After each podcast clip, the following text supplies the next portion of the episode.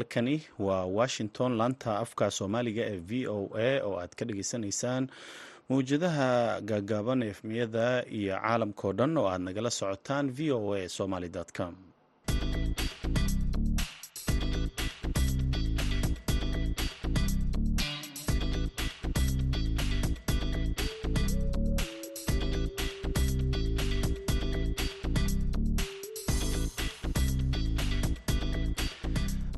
wanaagsan dhegaystayaal afrikada bari saacadda waa kowdii iyo barkii duhurnimo. Waa maalin jimco ah saddex iyo tobanka bisha janaayo sanadka laba kun iyo saddex iyo labaatanka idaacadda duhurnimo ee barnaamijka dhallinyarada. Maantana waxaa idinla socodsiinaya anigoo ah cabdulqaadir maxamed samakaab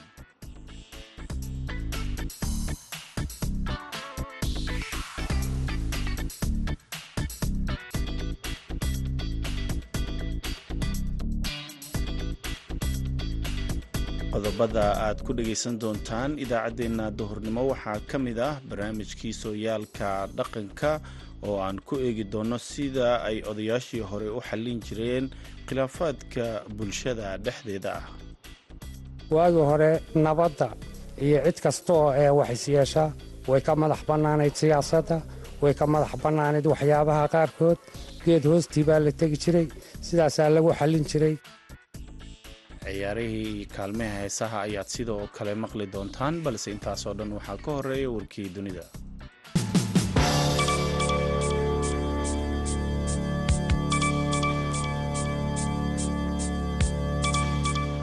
xogayaha arrimaha amniga gudaha ee dowladda maraykanka alekhandaro mayorkas ayaa khamiistii ku dhawaaqay in dadka soomaalida ah ee aan sharciga ku lahayn maraykanka ay sii joogi karaan ilaa siddeed iyo toban bilood oo kale.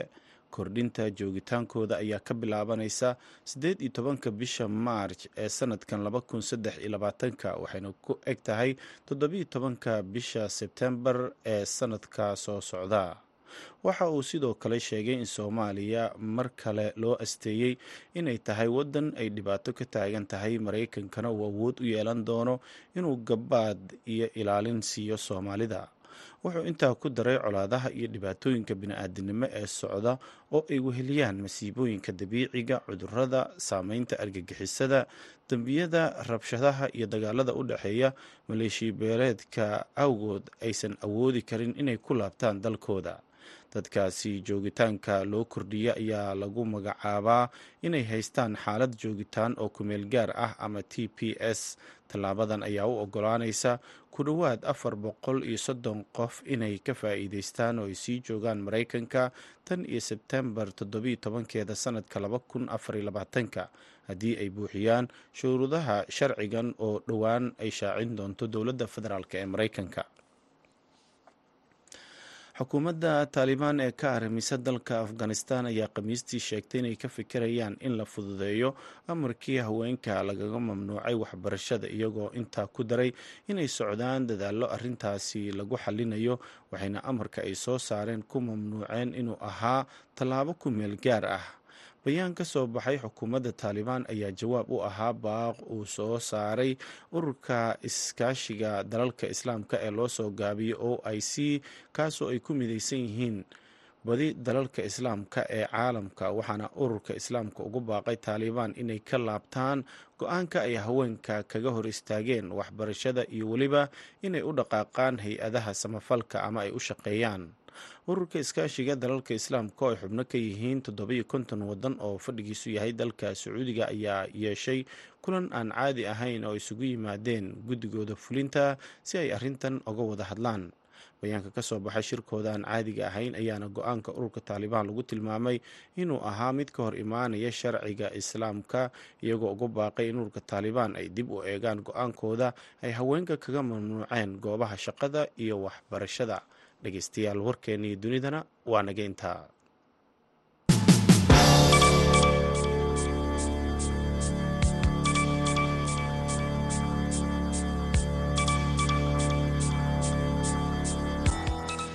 Duhur wanaagsan mar kale dhegaystayaal halka aad warkaasi kala socotaan waa idaacadda v o a oo idinkaga imaaneysa washington. Dhegeystayaal haatanna waxaad ku soo dhowaataan barnaamijkii sooyaalka dhaqanka waxaa inoo haya oo magaalada laascaanood ku soo diyaariyey wariyaha v o eda ee gobolka sool cabdikariim olol.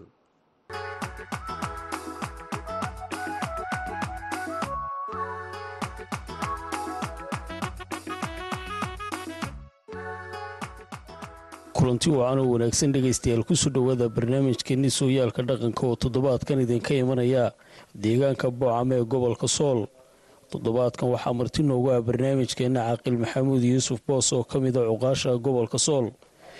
Barnaamijka ayaanu ku soo qaadan doonaa sidii nabadda loo xallin jiray xilliyadii hore iyo guurtida iyo dhaqanka soomaalidu ay sida weyn ay qiimaha u siin jirtay marka lagu jiro xalinta khilaafaadka guurtida ayaa waxay ahayd mid geed hoostiga ka soo bilaabata taasoo guud ahaan deegaanada soomaalida duubabka dhaqanka iyo qeybahooda kala duwan looga dambeyn jiray sidii xalinta nabadda loo xaliyo caaqil maxamuud yuusuf boos ayaa sharaxaya nabadda qiimaha ay leedahay isagoo ka hadlaya doorka ningarboodka iyo sida ay nabadda u xidhi jireen. Sidoo kalena waxyaabaha furaha u ahaan jiray raggii hore iyo dhibaatooyinka haatani jira wixii iska bedelay bismillahi raxmaan iraxiim masroral aad baan kuu salaamayaa waxaana kugu salaamayaa salaamta islaamka asalaamu calaykum waraxmatullaahi wabarakaatu waxaan aad kuugu mahad celinayaa gaarka aad ila yeelatay. Haddii aan u noqdo su'aashaadaas su'aashaas waa su'aal muhiima. Soomaalidu waxay ku maahmaahdaa intii qar jiray quruur xuna waa jiray. Intii adduunyadan la joogay mar kasta marxalado kala gedisan bay soo marisay wacyiguna waa isbebedelayey maalin walba xaalad uunbaa imaanaysay waana la xallin jiray. Ta nabadda waxaad u malaysaa waagii hore iyo hadda in wax farqiga u dhexeeyo. Waagii hore nabadda iyo cid kastaoo ee wax isyeesha way ka madax bannaanayd siyaasadda way ka madax bannaanayd waxyaabaha qaarkood. Geed hoostii baa la tegi jiray sidaasaa lagu xallin jiray muddaa loo fadhiyi jiray waxaa lagu niqi jiray. Wax la yaqaano oo raada oo cad oo waddo la maro ayay lahay waxyaabihii lagu xallin jiray ee xeerka u ahaa ayaa hadda waxaad moodaa in siyaasad la soo dhexgeliyey oo dhaqanka lumaya ee sii baaba'aya inay ka mid tahay nabadayntii iyo qaabka loo xallinayo iyo waddadii loo mari jiray. Intuba inay ka mid tahay baan u malaynayaa marka waxaa weeya dee kolley mar kasta oo wax yimaadaan raggeedii uunbaa joogi jiray oo xallin jiray laakiin hadda ay tahay wacyiga aynu maanta joogno iyo wacyigii hore farqi weyn baa u dhexeeyey. Adoo aad iyo aad umahadsan caaqil marka laga hadlayo nabadda qiimo weyn bay ugu fadhiday dadka soomaaliyeed iyo xalinteeda bal ka waran guurtidii xilligaasi joogtay marka ay nabad xalinayaan oo kale oo ay ka hadlayaan bal waxyaabaha ay xoogga saari jireen oo kale ee ugu muhiimsanaa bal iga waran oday ka sheekee iyo waxaad adigu ka soo gaadhay iyo ka guurtay ahaanba dadkii hore wuxuu lahaa xeer iyo dhaqan. Xaajada marka ay gelayaanna waxay odhan jireen xaajadu ma ugubbaa mise waa abka soo gaar? Hadday ugub tahay caqli iyo maskax baa loo raadin jiray. Laakiin haddiian xaajadu ugub ahayn ee horey loo soo galay xeerkii lagu xalliyey baa la marin jiray lagamana leexin jirin. Laakiin hadda waxaad moodaa labadiiba in laga guuray xaajo kasta oo ay timaadana. Aan dhulkaba la dhigayn oo la odhanayn war xaajadani ma xaajo ugu baa mise waa xaajo horey u dhici jirtay. Farqiga marka u dhexeeya waxa weeye odayaashii hore odayaal guurtiya oo talaqabeena bay ahaayeen odayaal nabadda aada u jecel bay ahaayeen odayaal dhib kasta oo dhacda sida ugu fudud u xaliya bay ahaayeen. Odayaal ismaqlo oo isxukumay ahaayeen. Odayaal markii ay nabadda u gacan qaadaan sida ay tahay nabadda uga shaqeeya oo sida ay tahay nabadda maxaanku idhaahdaa xil iskaga saaray ahayd xeerkii iyo waddadii ay mari jireen oo aan laga leexin jirin. Taa waxaa raacda waagii hore waxaa la odhan jiray dad kasta oo loo garnaqayo qof walowba ma haysataa dabarkii ku xiri lahaa yacnii qofkii gartane haddii laba nin kama wada qoslisee qofka garta laga helo ilaa uu helo dabarkiisii ama ilaa uu helo xarigiisii soomaalida ku maamahda nin tolle waa xarigiisa majiiti nin walba xarigiisa ayaa loo soo qaban jiray oo ay siday tahay loogu qaban jiray. Haddii uu garta qaatana halkaasaa loogu dacayn jiray. Haddii uusan qaadanna waxa weeye dabarkiisa ayaa loola noqon jiray caaqil waxyaabaha jira. Waxaa ka mida dee raggii hore waxay samayn jireen miiga ayay ku badnaayeen gartana waxay geen jireen geedka hoostiisa. Bal ka waran markay rabaan inay ama dad u garanaqaan ama iyaga dhexdooda ay heshiisiin sameeyaan halkay ka bilaabi jireen. Marka nabad ay dhigayaan ama ay rabaan dad qooni ay kala dhex gashay inay dib heshiisiin u sameeyaan nabadna ay dhexdooda dhex dhigaan ololow ado aad u mahadsan waa runtaa dadkii hore ee miyiga joogi jiray iyagaaba dowladaha markaad habdhaqankooda sii raacdo waayo sida dowladuhu ay u leeyihiin dastuur iyo xeer. Ba iyaguna waxay u lahaayeen dastuur iyo xeer. Ciddii markaa dastuurka iyo xeerkaa jebisana meel baa looga soo wada joogi jiray. Wax kasta oo u yimaada inta ayan garta gelin ayay ka baaraan degi jireen fiirin jireen qaabka ay tahay qaabka ugu sahlan waddada ugu sahlan ee loo marayo sida ugu sahlan ee loo xakamayn karo sida ugu sahlan ee maxaanku idhaahdaa ee loo qaabi karo wakhti badanna kuma qaadan jirin. Intan waxaa dheer waxay ahaayeen nimanka madax bannaan waxyaabo cusub oo hadda soomaalida ku soo kordhay oo amaama siyaasadu ka mid tahay ama ay ka mid tahay cadaalad la'aantan ama ay ka mid tahay maxaanku idhaahdaa ee waxyaabo badan oo dalka gudihiisa ka dhacaya nimanka madax bannaan bay ahayd niman waxay ahaayeen sida ay tahay dastuurkooda iyo xeerkooda gar kasta oo u timaada uu waafajin jiray. Sidaasana ugu sahlanaan jirta inay wax badan marka nabad la gelayo waxay leedahay shuruudo iyo waxyaabo badanoo loo eego oo nabaddaasi miisaankeeda lagu cabiro ama ay ku xidhanto xaggee laga bilaabi jireen adoo aada u mahadsan waxaa laga bilaabi jiray sidaan kuu sheegay wax walba waxay leedahay raad iyo taariikh iyo tixraac nabaddan marka hore oo la gelayo labada qof ama labada beelood oo gartaasi dhex taallo ayaa midba goonidiisa loola soo hadli jiray waxaana laga dhaadhicin jiray gartaa in la gelayo lana doonayo inuu maandayd dhiibo. Sidaas ayuu maandayd ku dhiibi jiray gartana loogu fariisan jiray. Markii laga qaado maandaydkana layskugu yeeri jiray waa la wada hadalsiin jiray. Wadahadalka bacdina guddida ayaa waxay gaari jirtay go'aan. Go'aankaas ayaa labada qolana waxay ku khasbanaayeen sida ay tahay inuu qaataan. Halkaasaa marka laga bilaabi jiray waxyaabaha sida weyn looga hadli jiray waxaa ka mida dhaqanka soomaalidana ceeb ku ahaa oo guurtidu ay ka hadli jireen. Waxaa la yidhaahda gardiidnimada ama in lagu eedeeyo qof ama shakhsi ama koox inay gardiid yihiin. Taasoo kale maxay cuskan jireen marka ay xeerarka dhaqanka soomaaliyeed iyo wadahadallada laga hadlayo? Waa su'aal aada muhiima markii laga hadlayo xeerka iyo dhaqanka soomaalida horta kumaba badnayn arinka gardida la yidhaahdo laakiin wax kasta oo adduunka jira way ka dhacaan adduunkan aynu maanta joogno waa u dhici karan boqolkii ama mid ama labaa laga heli jiray. Taana xeer baa laga lahaayo xeerka ayay waafajin jireen. Qofku hadduu gardiida yahay waa la soo jiray waxaa la oran jiray hebel ama beel hebla waxay samaysay gardiido dabadeedna go'aankooda wuxuu ahaa ganaax iyo qasiraad iyo in lagu duulo iyo in geedka lagu soo khasbo. Sidaas ayayna garta ku qaadan jireen. Way iska ilaalin jireen sida runtiiya in ay sameeyaan gartu ama iyagoo dhankooda ha jirto ama dhanka kale ha jirta inay sameeyaan xeerka gardiidnimada way iska ilaalin jireen. Xeer bayna ka lahaayeen. Haddii ay qula ka timaado ama daraf ka timaadana waa lagu duuli jiray sidaa lagama hari jirin. Xeerka waafaqsan xeerka gardiidnimada oo ganaax ku jiro oo duulimaad ku jiro oo qasiraadi ku jirto oo tallaabo cad oo aan loo wada harin ay ku jirto ayaa laga qaadi jiray. Waana la iska ilaalin jiray runtoo kumaba badnaynba dhaqankii hore. Waa xilligii hore. Qodobka inagoo tix raacina hadda dadku waxay ka hadlaan jebinta xeerarka gardiidnimada iyo hogaansanaanta dhaqanka. Inay hadda aada u badantaho xilliyada hore qadarintu ay aada u badnayd oo go'aanka nin soo qaado oo ay ku raaci jireen bal ka war way jirtaa garta markii la qaadayo ummaddu meel kuma wada dhammaan jirin ama cidda loo wada qaadayso laakiin go'aanka ka soo baxa ayaa wuxuu khasab ahaa ama lagu gowracnaa in la wada qaato. Si kastuu xarig ugu yahayna guddoon dabadii guuguuma jiri jirin. Guddoon dhacan hadda waa dhacdaa. Sababta ay dhacdaan waxaan ku sheegaya waxaa laga guuray xeerkii iyo dhaqankii waxaa soo galay waxyaabo badan oo garta geedka iyo xeerbeegtidii hore ay lahaayeen oo ay iska ilaalin jireen.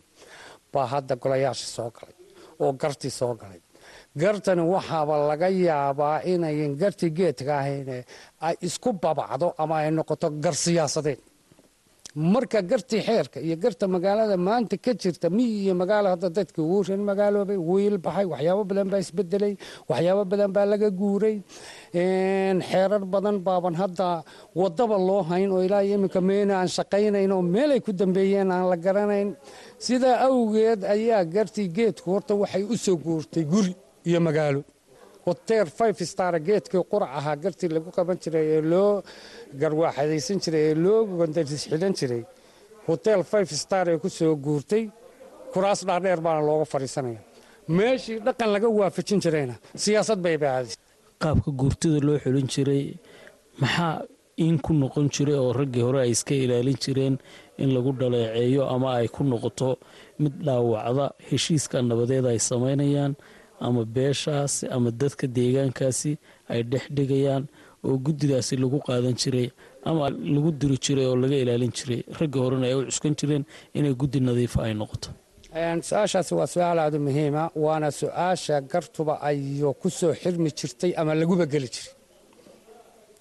Dadka inta aan geedka layskugu keenin ama aan hadalka loo furin ayaa waa la wacyigelin jira wacyigelin wax la yidhaahdaa jira qolo walba inay garteeda siday tahay u naqsato inaan hadal tulxaanan laysoran in gartu ay noqoto gar hufan oo gargobeeda oo geeda hoosteeda oo ka madax bannaan wax ataag la yidhaahdo kuma dhici jirin dadkii hore.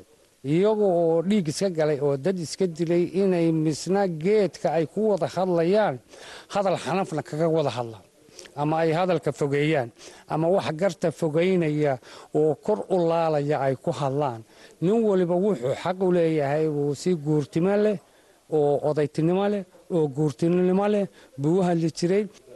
Erga waxaa la duraa markii ay ka leexato gartu weyga ay ku socoto.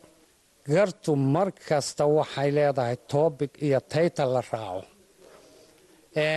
Gartaasi ma mid horey loo soo galaybaa ma mid hadda cusubbaa xeerkeedu muxuu yahay ma dhiigbaa ma dhaqanbaa ma kufsibaa ma dhacbaa mid walba waxay leedahay wey iyo waddo loo maro.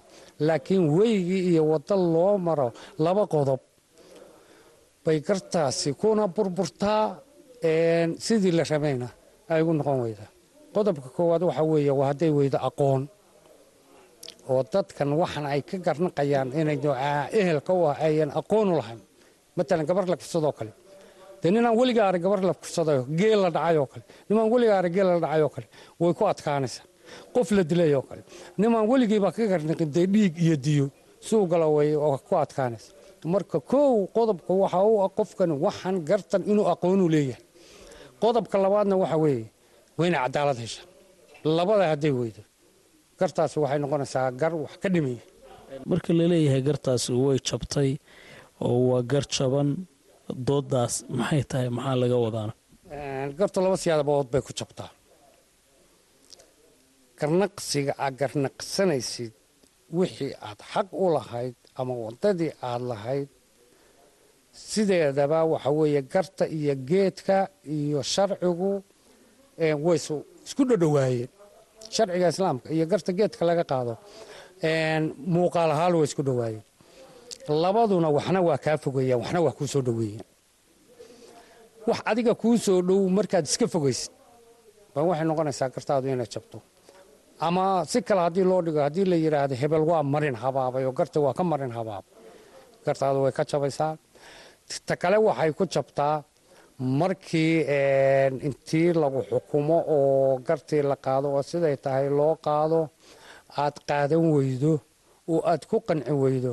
Ayaa waxaa la yidhahdaa iyana xeerkii iyo gartii reer hebel saasay ku jabtay saasaana lagaga gudbi jiray. Colaadaha iyo dhibaatooyinka guud ahaan deegaanada soomaalida way badan yihiin. Maxaa soo celceliya in inta nabad la xidho oo la heshiiyo haddana ay jabto oo weliba hadda badan oo raggii horena ay kaga fiicnaayeen xidhista nabadda kuwa hadda jooga. Waagii hore iyo haddeer waa kala labo. Waagii hore garta la qaato si kasta oo loo noqo horey uma soo noqon jir haddii ay soo noqotona xeerar iyo dhaqan baa ka yaali. Laakiin hadda ayay waxay u badan tahay iyagoo la dhaariyey oo kitaab la mariyey oo mandate laga qaaday oo suuliya saxiix laga qaaday inay dib u soo noqoto.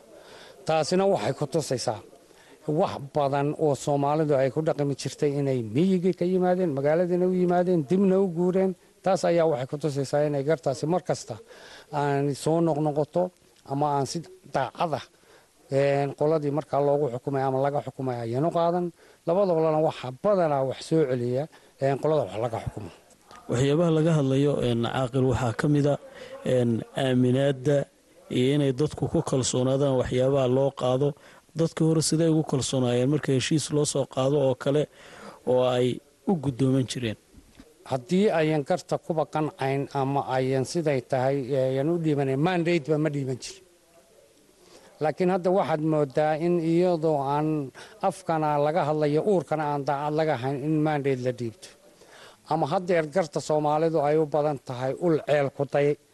Haddii ay ku qancisana qaato. Haddii ay qancin weydana uu dib uga baxo.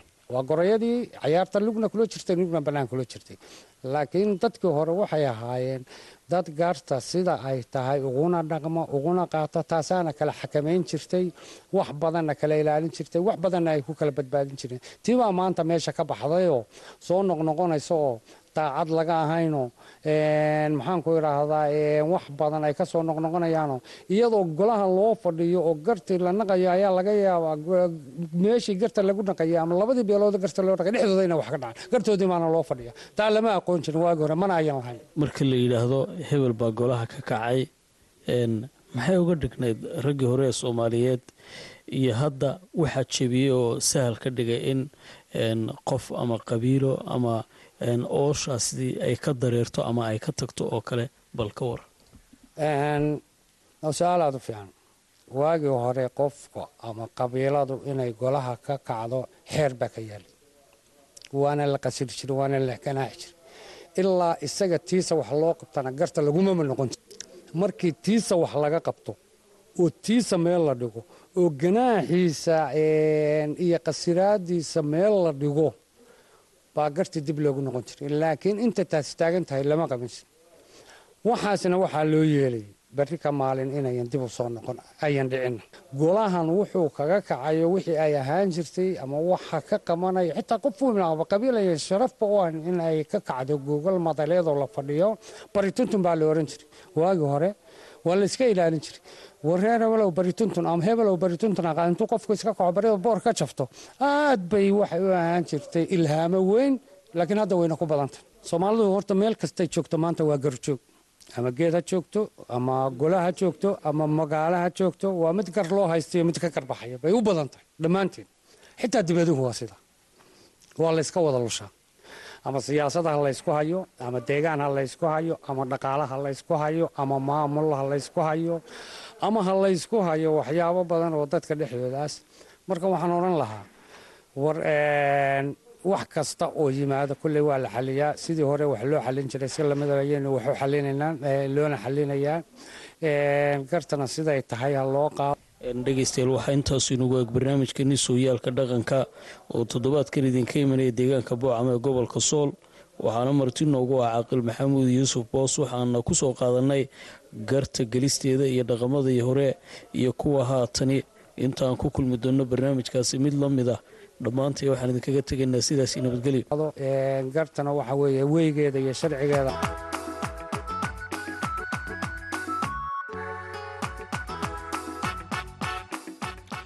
Aad ayuu u mahadsan yahay cabdikariim olol oo nala socodsiinayay barnaamijkii sooyaalka dhaqanka. Markana dhegaystayaal waxaad ku soo dhowaataan kaalmihii heesaha. Aan soo qabanno hees ay ku wada luuqeeyaan cabdifataax yare iyo ikraan caraale